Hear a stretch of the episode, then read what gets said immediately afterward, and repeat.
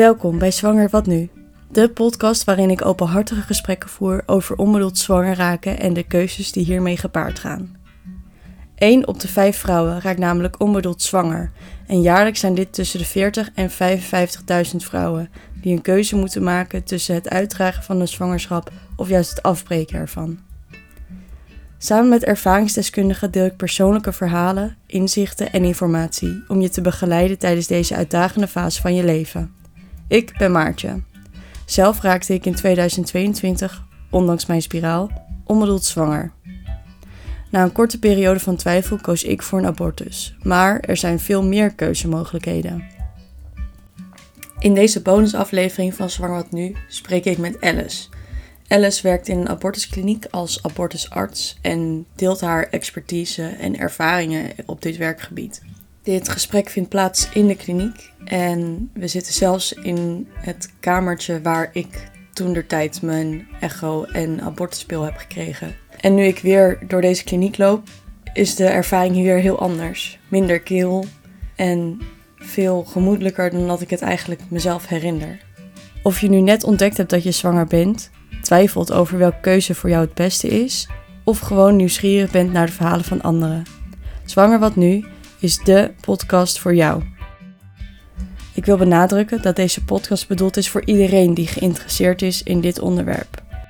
In de podcast hebben we het over vrouwen, maar ook als je je anders identificeert dan als vrouw en onbedoeld zwanger bent, kan de informatie super bruikbaar zijn en ben je hartstikke welkom om te luisteren. Let op, zwanger wat nu is geen vervanging voor medisch advies. Raadpleeg altijd een professional voor persoonlijke adviezen en ondersteuning.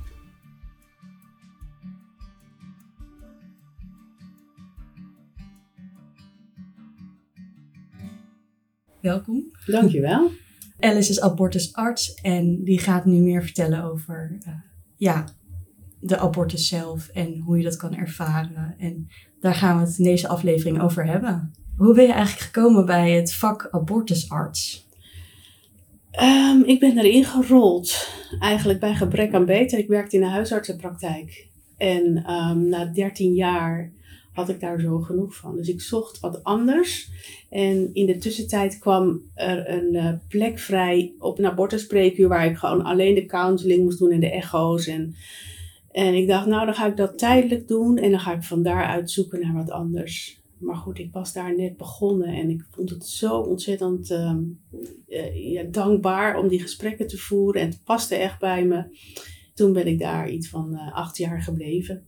En toen kwam uiteindelijk na acht jaar die vacature hier in de kliniek in beeld, waar ik op gereageerd heb.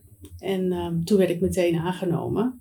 En ik ben heel blij nog steeds dat ik het doe. Het is heel dankbaar werk. Veel dankbaarder dan in de huisartsenpraktijk. Ja, wat bijzonder. En is daar nog een opleiding voor? Of kan je vanuit huisarts zijn direct Nee, het, het gekke is dat het vak uh, abortusarts niet echt een officieel specialisme is. Het is ook niet een profielspecialisme. Het is eigenlijk niks. Je bent basisarts, maar je mag het vak niet uitoefenen zonder opleiding.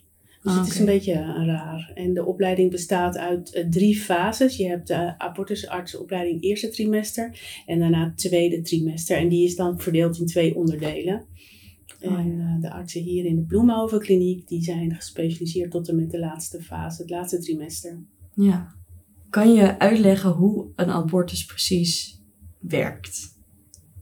Dat is een uh, breed begrip, want je hebt natuurlijk abortussen op twee uh, manieren. Je hebt de medicamenteuze abortus met een abortuspil. En de andere optie is een instrumentele abortus. Met instrumenten ja. dus. Ja. En dat zijn twee verschillende behandelingen. Bij een abortuspil is het meer um, een miskraam die je opwekt om medicatie te gebruiken. En als het gaat om een instrumentele abortus of een zuigcurettage, dan haal je de baarmoeder leeg met of een heel dun zuigbuisje, een soort rietje, mm. waarmee je dan um, door zuigkracht de baarmoeder leegzuigt. Of het kan ook in een wat latere fase met instrumenten leeggehaald worden. Oké. Okay. En ik heb best wel veel in mijn onderzoek gehoord eigenlijk dat vrouwen zeggen, als ik een curettage moet doen, dan weet ik niet of ik dat wel doe. Hoe komt dat dat daar zo'n ja, angst toch bijna op zit? Het klinkt wat medischer voor veel mensen. Veel mensen zeggen van ja, die abortuspil klinkt wat natuurlijker. En wat minder medisch, wat minder ehm, ja, heftig of zo. En bij een curettage ben je een dag in de kliniek en voelt het misschien als een grote ingreep. Ook al is de ingreep maar heel klein. Want een zuigcurettage duurt vijf minuutjes. Mensen kunnen in die vijf minuutjes slapen zodat ze er niks van merken. En ehm, ja, het hele proces is wat sneller achter je. Dus ja, het gaat wat sneller. Maar ik denk dat het wat medischer klinkt voor heel veel vrouwen. En er gaan ook wel verhalen in de ronde dat het misschien wat langere termijn complicaties kan, uh, kan geven. Maar die, die complicatierisico's zijn nooit bevestigd in wetenschappelijk onderzoek. Oh ja, dus dat dus zijn echt gewoon een soort van spookverhalen bijna. Ja. En er zijn ook geen verdere risico's aan beide opties voor een abortus op, op vruchtbaarheid of op lange termijn. Uh. Nou, de kans op onvruchtbaarheid door een abortus is verwaarloosbaar klein. Ja. De kans dat je onder een auto komt op straat of dat je een verkeersongeluk, uh, ja, uh, een of ander ongeluk uh, overkomt, is net zo groot. En daardoor kun je ook onvruchtbaar raken. Ja. Dat is toch gek dat dat dan zo, dat idee nog heerst eigenlijk. Onder, ja, waarschijnlijk met name mensen die, er, die geen ervaring hebben. Uh, ja, maar veel gynaecologen hebben de indruk dat een, een curettage meer risico's met zich meebrengt op de lange termijn. Maar goed, de onderzoeken die bekend zijn, zijn vooral gedaan met miskramen die zijn blijven zitten. En dat is toch weer een heel andere situatie dan bij een vitale normale zwangerschap. En daar zijn geen cijfers van bekend. Nee. We zouden ze wel graag willen hebben. Want dat, die cijfers, het gebeurt wel dus nog veel. Alleen die cijfers zijn niet in te zien. Of er is nou, geen onderzoek. Uh... Nee, want zo'n onderzoek is heel moeilijk uit te voeren. Dat, dat neemt zo 10, 20 jaar in beslag. En um, zoals je misschien wel gemerkt hebt, er heel veel taboe op abortus. Dus er wordt niet veel over gesproken. Ja. Dus, Vind je dat terecht? Of snap je, snap je dat er dat taboe erop zit?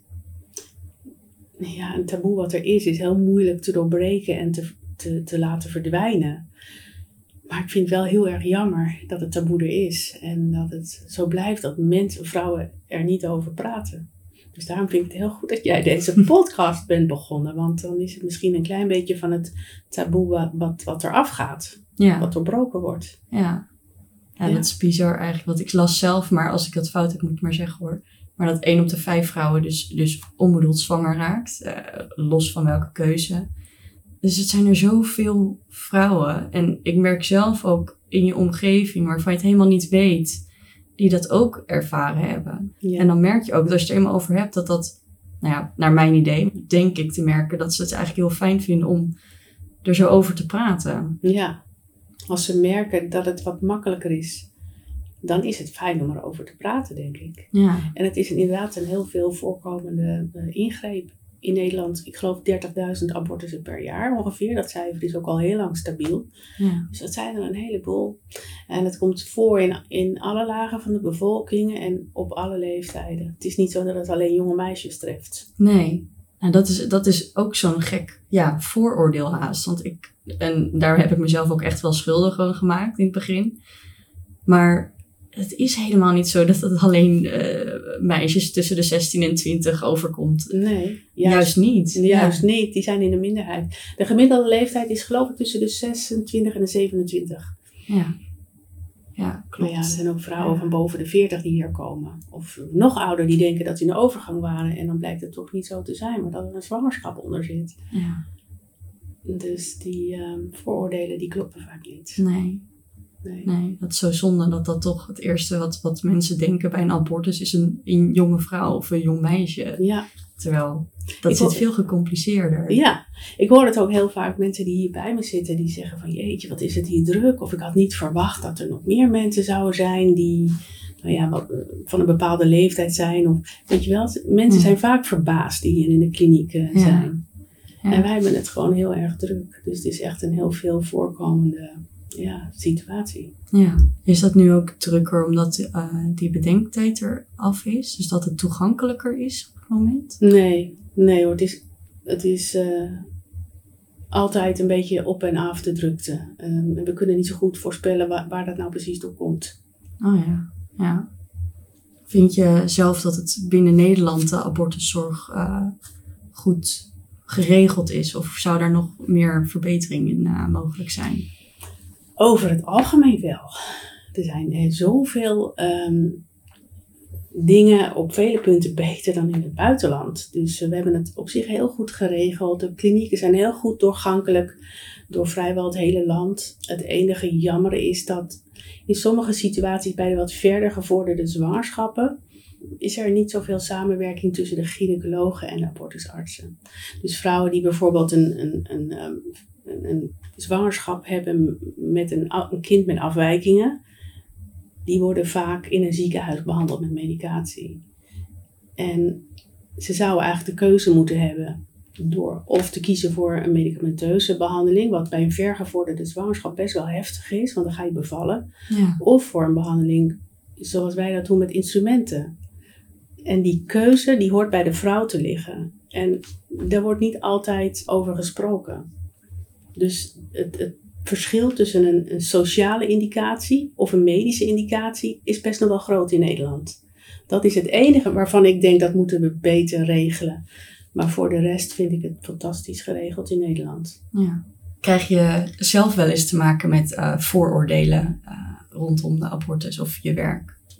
Nou, niet echt eigenlijk. Maar ik ben er wel altijd op, op bedacht. Ik ben altijd een beetje huiverig als mensen mij vragen: ja, maar wat doe je dan precies? Ik zeg meestal dat ik in de gezondheidszorg werk. Oh, ja. Ik hou het een beetje algemeen.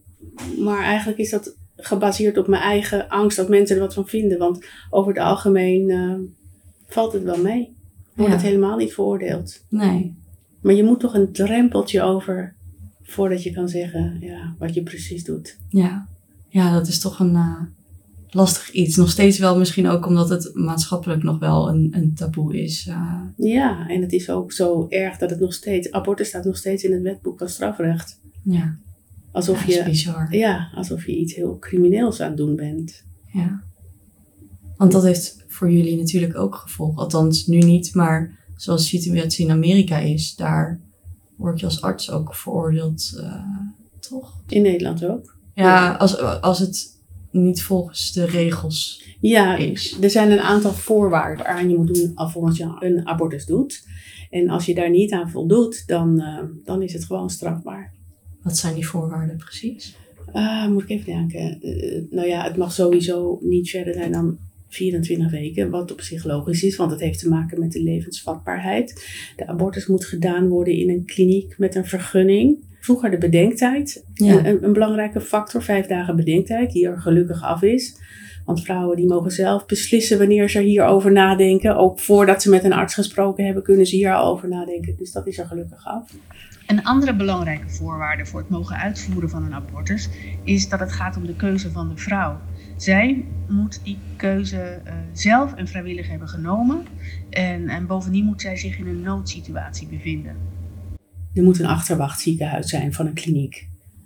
En dat houdt, wat houdt dat precies Dat is um, een, een, ziekenhuis wat bekend is met de werkzaamheden in de kliniek, die eventuele calamiteiten op zou kunnen vangen. Dus in de buurt oh. van een kliniek en um, ja, waar je gewoon nauwe samenwerking mee hebt. Ja, ja. En de abortusarts moet natuurlijk gediplomeerd zijn, wat op zich een logische ja, conditie ja, is. Ja. ja. En ben je wel eens bang, of bang geweest of bang dat, dat het allemaal weer teruggedraaid wordt? Dus dat het daadwerkelijk uh, je werk bemoeilijkt wordt of onmogelijk wordt? Eigenlijk niet, want ik zie eigenlijk alleen maar vooruitgang.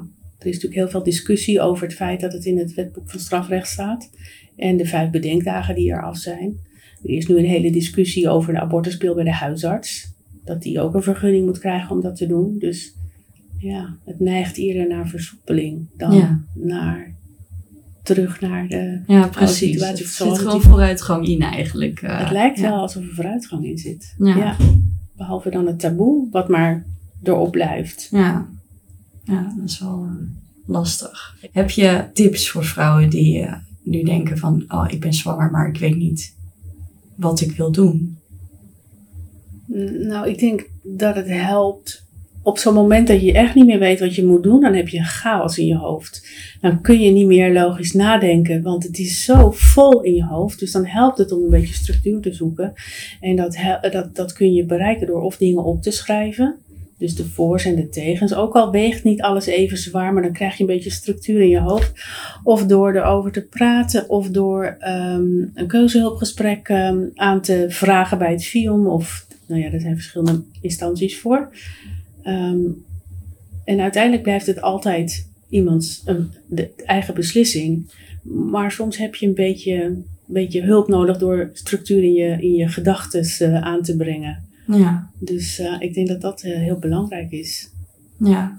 Die periode dat je twijfelt, dat, dat maakt zoveel indruk. Dat hoor ik hier ook vaak. En als dan eindelijk die dag komt en die beslissing genomen is, dan heerst er heel vaak een soort van uh, pff, eindelijk, weet ja. je wel. En ook na afloop heel vaak opluchting. Ja, ja, absoluut. Dat had ik niet verwacht toen ik hier kwam werken. Een enkeling is natuurlijk ook heel verdrietig na afloop, maar het merendeel voelt een soort van opluchting. Dat het achter de rug is, dat het meegevallen is. Ja. Dat ze weer vooruit kunnen. Omdat ze ook een periode van heel veel stress en twijfel vaak hebben doorgemaakt. Dus als daar eindelijk een einde aan komt. En dan die dag waar je zo tegenop ziet, achter je ligt. Ja, ja dan over het algemeen zie je dan opluchting. Ja, dat misschien ook haast wel lijkt, lijkt mee te vallen. Want ik, ik denk dat je het, als ik voor mezelf spreek, maar ik denk voor iedereen, dat je het in je hoofd ook zoveel erger maakt, de, de gehele behandeling. Ja, dan dat het uh, uiteindelijk ook is. Dus dat het misschien ja. ook gevoelsmatig dat wel meevalt.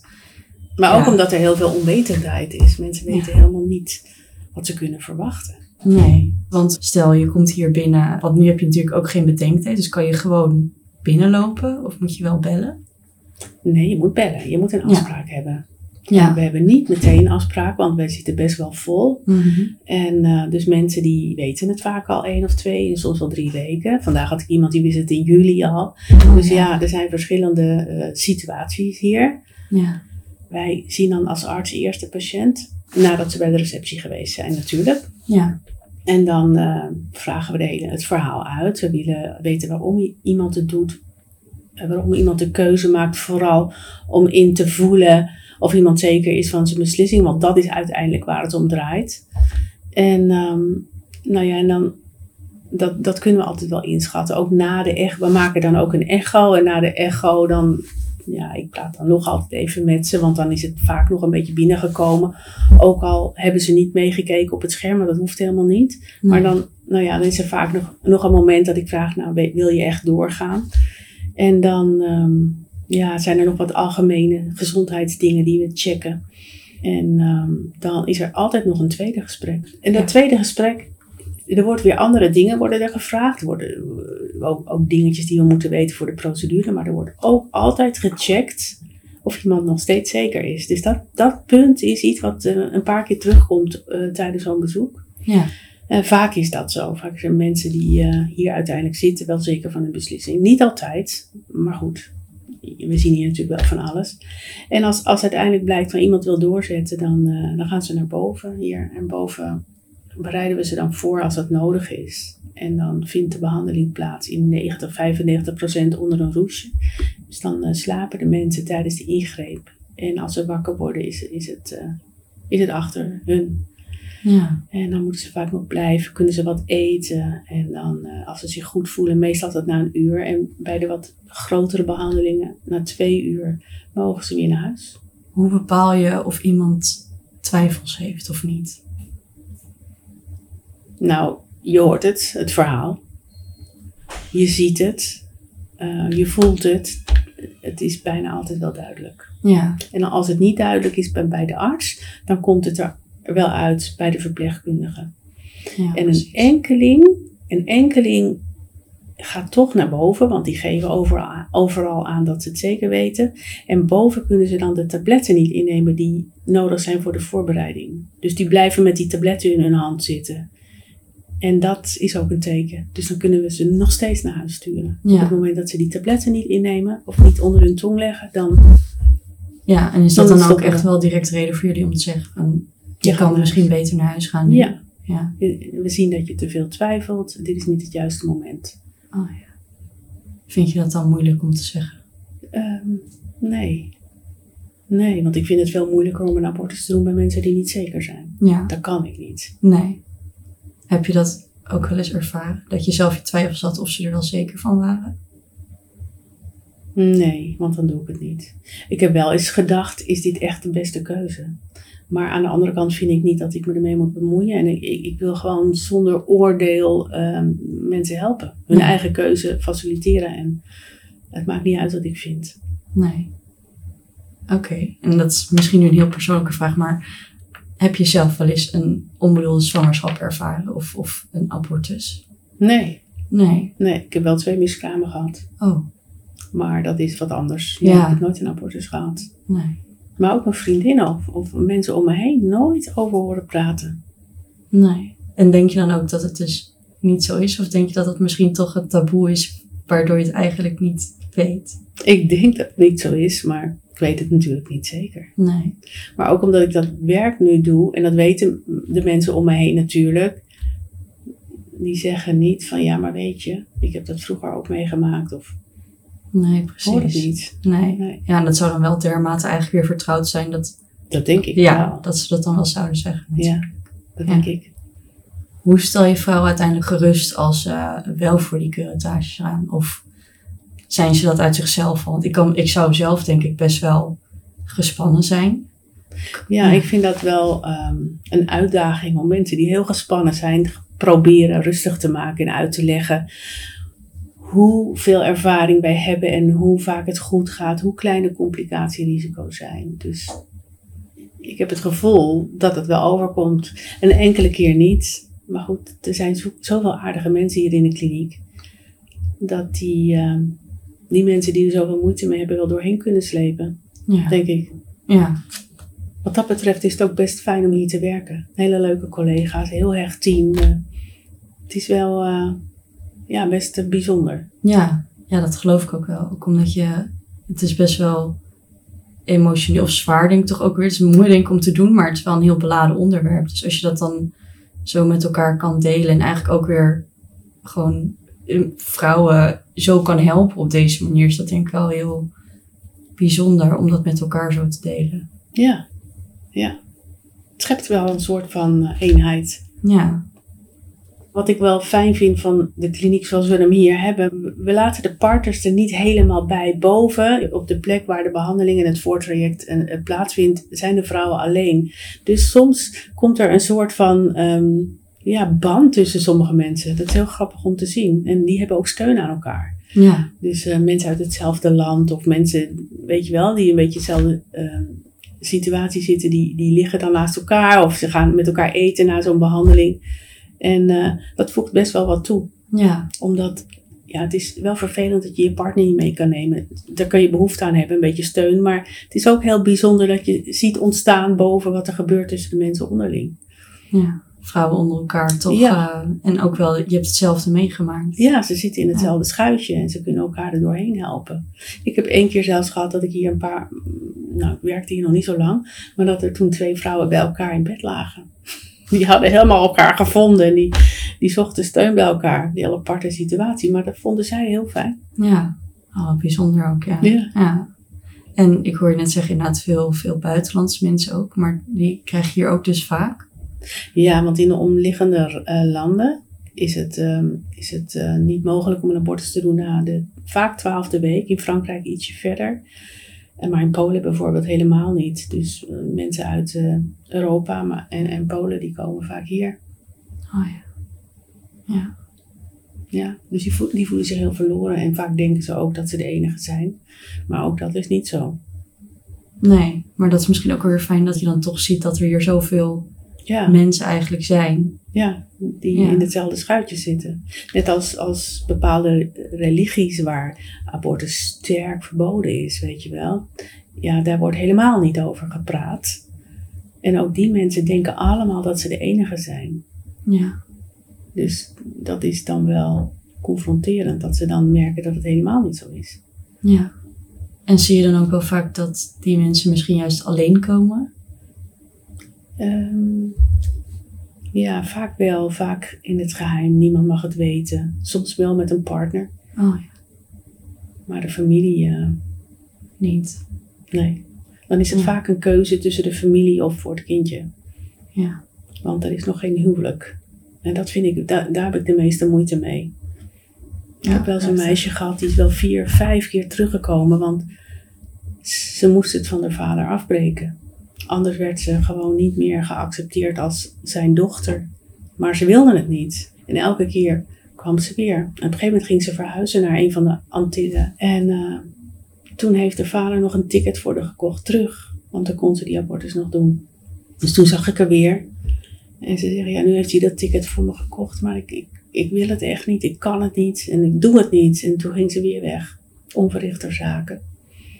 Ja, ik ben nog altijd benieuwd hoe het met haar gaat. Ze heeft echt niet voor de, voor de familie gekozen. Ja, dat is ook wel heel heftig. Heel heftig Ja. was dat. Gebeurt dat vaak dat vrouwen ook toch weglopen hier? Dat ze toch zeggen van ik hou het wel, ik ga niet voor de abortus. Nou, het gebeurt wel regelmatig, maar niet heel vaak. Nee. Ik weet niet precies de cijfers, misschien één of twee in de week. Oh ja. En denk je dan dat dat komt omdat ze twijfels hebben? Of denken de meeste vrouwen gewoon echt van tevoren wel heel erg na voordat ze hier komen? Ja, de meeste vrouwen denken heel erg goed na. Toch kan er nog iets veranderen als ze hier zijn. En soms merken we ook wel dat vrouwen het doen omdat, omdat iemand uit hun omgeving wil dat ze het doen. En ja, dat is een hele lastige situatie. Als je er niet hetzelfde in zit als je partner of je familie. En dan, eh, ja, dan komen ze vaak hier en dan zie je wel dat ze hier zijn, maar dat ze het eigenlijk niet zelf willen. En voor ons is dat heel belangrijk dat het de keuze is van een vrouw en niet van iemand uit de omgeving. Dat is ook de reden waarom we vrouwen altijd alleen binnenroepen in de spreekkamer. Ja. Ja, klopt. Dat ik Belangrijk. inderdaad ook, eh, ja. Ja. En we kunnen niet inschatten, nou jij wil en jij niet. We trekken één lijn. ja, precies. Ja, anders loop je misschien toch ook weer het risico dat het toch net Ja. misgaat. Dus dat kan ik me wel voorstellen dat je dat niet eh, wil. Nee, dat kan niet. Nee. Ik zag net toevallig eh, drie mensen eh, voor eh, aan de andere kant van de weg staan. Wat vind je daar nou van? Ja, dat vind ik verschrikkelijk. Je bedoelt demonstranten. Ja, Ja, die stonden er gisteren ook. Ze staan er vandaag weer. Mensen die hier komen, die, die hebben dat ook gezien. En, die- en, en die, vinden dat, die vinden dat heel erg. Want ja, ja, ze zeggen het is toch mijn keuze. Het is al moeilijk genoeg. En dan moet ik langs een paar van die mensen die erop tegen zijn. ja. En, Want het eh, is wel de regel, dat is echt aan de andere kant van de weg ja, daar staan, toch? Ze hebben, een, ja. ja, ze hebben een, een vak eh, toe, Oh. toebedeeld gekregen waar ze in moeten staan, maar daar houden ze zich niet altijd aan. En ehm, ze maken vrouwen soms echt overstuur. Ook wel eens iemand die al behandeld was. Die was Oh. helemaal rustig en ze was eh, opgelucht dat het klaar was. En ze liep weg en dan loopt ze die demonstranten in de armen die zeggen van jij bent een moordenaar. Het was echt, toen kwam ze helemaal overstuur weer terug. En Ja. toen ben ik met haar meegelopen naar buiten om met die demonstranten in gesprek te gaan, maar dat lukt niet. Je praat tegen een muur en zij praten terug, maar je praat niet met elkaar. Dus ehm, ik heb het opgegeven. En eh, ja, ik zeg maar tegen iedereen hier, negeer het maar, want je kan er niks tegen beginnen. Dat gebeurt nog steeds. Ja, Ja. en we kunnen er niks tegen doen. Want er is een vrij demonstratierecht in Nederland. En ze demonstreren niet in Den Haag. Nee, ze demonstreren voor een abortuskliniek. Waar kwetsbare vrouwen eh, de moeilijkste dag van hun leven misschien wel eh, Ja. hebben. Ja. Maar goed, dat is wat het is. Ja. Ik hoop dat mensen gewaarschuwd zijn. Ook als ze een afspraak maken. Dat ze weten dat ze te horen krijgen. Pas op, er zijn misschien demonstranten. Negeer het. eh, Ga niet met ze in gesprek. Ja. En we hebben nu ook die buddies, um, Ja. abortusbuddies, die worden getraind om eh, vrouwen te begeleiden eh, naar een abortuskliniek. Ja. Dat is wel een heel mooi, eh, Ja. mooi iets dat dat nu komt. Ja, dat is een heel mooi initiatief. Ja. En er wordt een best wel grote groep opgeleid nu. Dus dat ehm, Oh, dat is ook echt een hele training eigenlijk er, erbij, hoe ze dat moeten doen. Ja, en Wauw. eh, dat biedt perspectief. Ja, ja absoluut. Dat scheelt echt dat je dan niet alleen daar doorheen moet. Of Ja. eh, dat je gewoon je eigen ding kan doen. En eh, Ja, wauw, ja. Dus eh, nog steeds weer vooruitgang. ik denk het wel. Ja, Kleine stapjes, precies. maar de goede kant op. Ja, nou daar Tot gaat het om. En dat is, ja. ja, daar gaat het om. dat is wel fijn. Ja, Nou, uh, Alice, heel erg bedankt dat ik hier mocht komen in de kliniek en dat je je verhaal en je expertise wilde delen. Um, Leuk dat je er was en dat je aandacht besteedt aan het onderwerp. Ja, dankjewel. Ja, dat het maar uh, beter mag blijven worden. Daar ga ik wel van uit. dat zou heel mooi zijn. Het zou heel mooi zijn als je daaraan bijgedragen hebt. Ja, dankjewel. Alsjeblieft. Heel erg bedankt voor het luisteren naar Zwanger Wat Nu. Wil je nou meer afleveringen horen? Luister dan bijvoorbeeld naar de aflevering over abortus of over het zelfopvoeden. Wil je hulp bij het maken van je keuze? Neem dan contact op met je huisarts, de GGD of het FIOM. Zij kunnen je verder helpen en betrouwbare informatie geven. In deze aflevering hebben we het ook gehad over samen naar de kliniek. Wil je hier nou aan meehelpen of meer informatie? Kijk dan op www.samennaardekliniek.nl. Nogmaals heel erg bedankt voor het luisteren en succes met de keuze die je misschien moet maken.